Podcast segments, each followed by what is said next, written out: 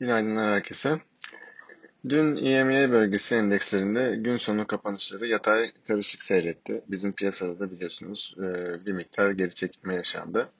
Amerika kıtası işlemlerinde ise Avrupa seansına kıyasla iyimserliğin bir miktar daha yüksek olduğunu gördük. Ancak Güney Kore Merkez Bankası'nın faiz artırımına giderek gevşek para politikasından uzaklaşmaya başlayan ilk büyük e, Asya ekonomisi olması sonrası Asya seansında hisse endekslerinde hafif satış ağırlıklı işlem e, görmekteyiz. Bizim tarafta da hisse senetlerinde bugün hafif satıcılı bir açılış bekliyoruz.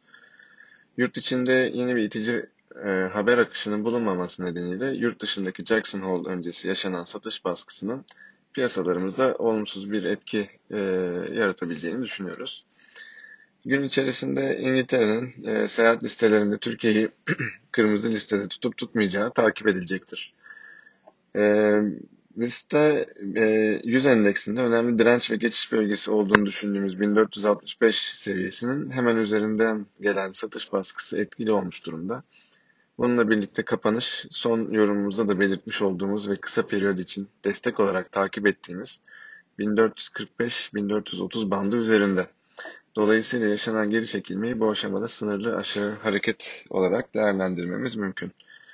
Endekste kısa periyotta yeni bir zayıflamadan bahsedebilmek için 1445-1430 seviyesi altına geri inilmesi gerektiğini düşünmeye devam ediyoruz.